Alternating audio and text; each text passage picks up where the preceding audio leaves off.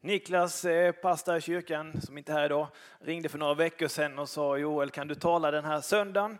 Vi vill att det ska vara kort. Du ska rikta in dig på högstadieelever.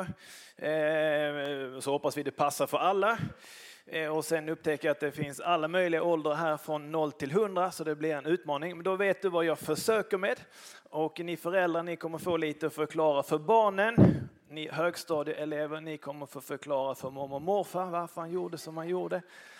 Ehm, jag hörde för några år sedan om en, en gammal tant som verkligen älskade Jesus över allt annat.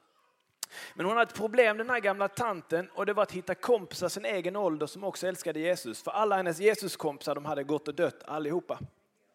Hon hade ett barnbarn ungefär i, ungefär i din ålder som eh, fyllde år en dag och farmor hade en favoritaffär i stan, en kristen bokhandel. Så hon sa till barnbarnet, nu ska du få åka med mig till den här bokhandeln idag så ska du få välja en CD-skiva där som man spelar musik på förr i tiden. Eh, nu på din födelsedag, vilken du vill. Och grabben han tänkte okej okay då för att det är farmors initiativ så han hoppade in i hennes gamla bil och åkte med henne till den här butiken. Väl där så väljer grabben en skiva och när farmor står vid disken och ska betala så får hon se att det ligger stora klistermärken på vilka det står tuta om du älskar Jesus. Och hon tänkte tant, perfekt, ett sånt klistermärke, det måste jag ha på min bil. Kanske kan hjälpa mig att hitta lite nya kompisar min egen ålder som också älskar Jesus. Hon betalar grejerna, kommer stolt ut i bilen, sätter klistermärket mitt där bak på rutan, hoppar in bakom ratten och grabben sätter sig i baksätet och så rullar de iväg genom stan. Efter en liten stund kommer de till en trafikljuskorsning och farmor får stanna för det röda och grabbarna säger farmor du kan väl sätta på min CD-skiva nu? Ja visst säger farmor ta skivan. Bara ett problem och det är att farmor aldrig satt på en CD-skiva innan. Så hon börjar trycka den lite överallt och hur som helst där framme i bilen och får inte i den. Och medan hon är fullt upptagen med skivan så slår det om till grönt och det dröjer inte mer än ett par sekunder för bilen bakom. Tut, tut, Farmor slänger upp ansiktet med ett stort leende. Va? Redan en ny sån här Jesuskompis. Det var ju fantastiskt. hon vinkar lite och så tutar hon också. Tut, tut. Sen fortsätter hon med CD-skivan. Hon bara ska in. Hon trycker, hon klämmer, hon har sig. Nu tutar det igen. Tut, tut, tut, tut, tut. Nu är det en lång kö med bilar bakom. Farmor är alldeles till sig av alla nya Jesuskompisar. Men sen ser hon att några bilar bak så är det en man som har hoppat ur sin bil och står och gör så här. Men farmor vet inte vad det tecknet betyder och grabben tycker att det är en rätt så komisk situation så han säger till farmor att du farmor det är så man hälsar på varandra i Danmark. Nej men tänk säger farmor, tänk till och med ny dansk Jesuskompis, det var ju för roligt. Men sen ser farmor att oj, det är grönt och innan här tanten hinner få i växeln så slår de till gult och kör precis över stopplinjen där, slår om till rött igen och de svänger där genom korsningen säger till sitt barnbarn att vad synd om alla mina nya Jesuskompisar som fick stanna för det röda allihop. Och så tutar hon och så räckte hon ut handen ur fönstret och hälsar som man gör i Danmark.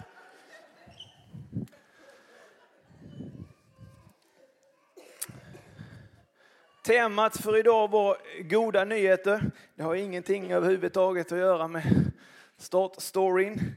Ehm, men jag fick ju kort tid på mig. Melker han sa i inledningen att så här ska gudstjänsten gå till. Joel Sjövall ska predika så det blir en kort gudstjänst, sa han.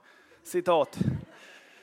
Så jag kan inte gå in jättedjupt i den här, men jag tänkte dela vad det betyder för mig med goda nyheter, vad jag på något vis lever med min kristna tro och så varje dag. Och goda nyheter sammanfattat för den här korta stunden, det är att varje dag få vakna upp och veta att Gud ville att jag skulle finnas. Gud bryr sig om mig och Gud vill ha en fin och äkta relation med mig nu och för evigt. Vi ska läsa det första bibelordet av två. Jag läser en översättning som heter The Message Bible. Det är en profet som heter Jeremia. Eh, han hälsar Guds folk olika saker från Gud. Och detta är kapitel 29 och 11, du ser det där. Jag har en plan att ta hand om er, inte överge er att ge er den framtid som ni drömmer om. När ni ropar på mig, när ni ber mig om något, då lyssnar jag. När ni letar efter mig, då finner ni mig. När ni på riktigt vill hitta mig, när det är er högsta önskan, då gör jag er inte besvikna. I den här texten hittar jag dels en förklaring på de goda nyheterna att Gud vill oss väl, men också en ledtråd på hur de goda nyheterna på något vis kan bli en verklighet i var och ens liv. Och där tvingas jag, kanske du också, fundera på när jag söker Gud, när jag söker Jesus, kommer jag till honom då för att jag vill hitta honom på riktigt och är det min högsta önskan? Förra veckan stod jag med en motorsåg och en eh, modern motorsågshuggarhjälm. Det betyder att man kan lyssna på radio i hörlurarna. Och då kom det en låt som både triggade mig och kanske smått irriterade mig. Eh, en låt med Miss Li som heter Hälsa Gud. Miss Li sjunger om att hon går ut på krogen, där stöter hon på Jesus och vi får sen höra en låt där, där hon börjar kasta alla livets svåra frågor så här, till Jesus men hälsa dem vidare till Gud. Inget fel att kasta livets stora frågor på Gud, men jag funderar och jag har inte lyckats pela in vad hon egentligen försöker säga med den. Du får gärna försöka tolka den själv om du vill. Men antingen så kan man ju slänga sina stora frågor till Gud för att man vill ha svar på dem. Eller så kan man nog slänga sina stora frågor till Gud som en slags argument för att slippa bry sig om honom. Hur som haver så verkar det som att Miss Li missar Jesus och allt det goda han kan innebära mitt framför sig för att hon är upptagen och kastar alla sina frågor och säger allt hon vill säga istället för att på något vis lyssna in och ta in mötet med Jesus. Om du var i kyrkan förra helgen på påskdagen så kanske man läste i Johannes evangelium om den som får se Jesus uppstånden först, uppstånden först, nämligen eh, Maria, en av Jesus närmsta, närmsta vänner. Men när Maria springer på Jesus så känner hon inte igen honom. Eh, och det kan man säkert dyka jättedjupt i, men hon var på väg till graven för att hitta Jesus som död och smörja honom med kryddor, olja och, och, och grejer.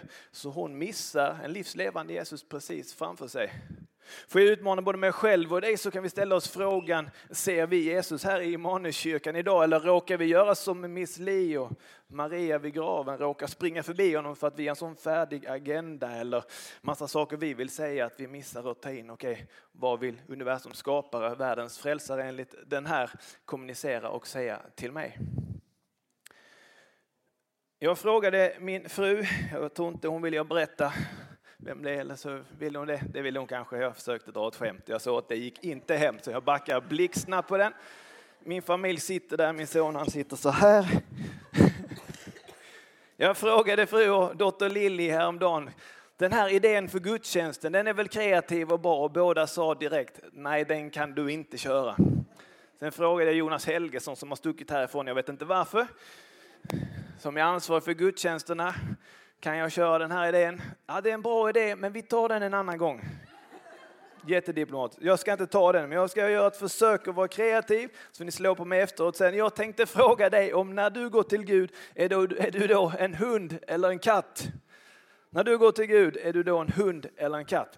Jag har haft både hund och katt. Det här, är, det här var vår katt Silver. En jättefin katt, en, eh, vacker katt. Men någonting som alltid låg lite över relationen med katten var att jag kände alltid att den lite grann utnyttjade mig. Alltså allt var bra så länge jag gjorde allt jag kunde för att göra livet bra för katten. När jag jobbar hemma ibland och särskilt under pandemin så var det ganska vanligt att de sa det betyder nu vill jag gå ut, så då går man och släpper ut katten. Så då säger man stanna nu ute länge så jag kan jobba. Stänger dörren, går och sätter sig, man hinner inte mer än sätta sig. Så ska man tillbaka och släppa in katten, serva den dagen lång. Sen går det inte många minuter. Och så ut igen och sen är det nästan man börjar säga fula ord till katten.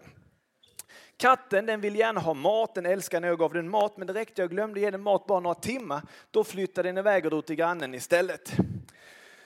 Bajsa gjorde den det när den var ute? Nej, det gjorde den in i en låda för den tyckte det kan lika gärna Joel bära ut en gång om dagen med sin hand till den där soptunnan.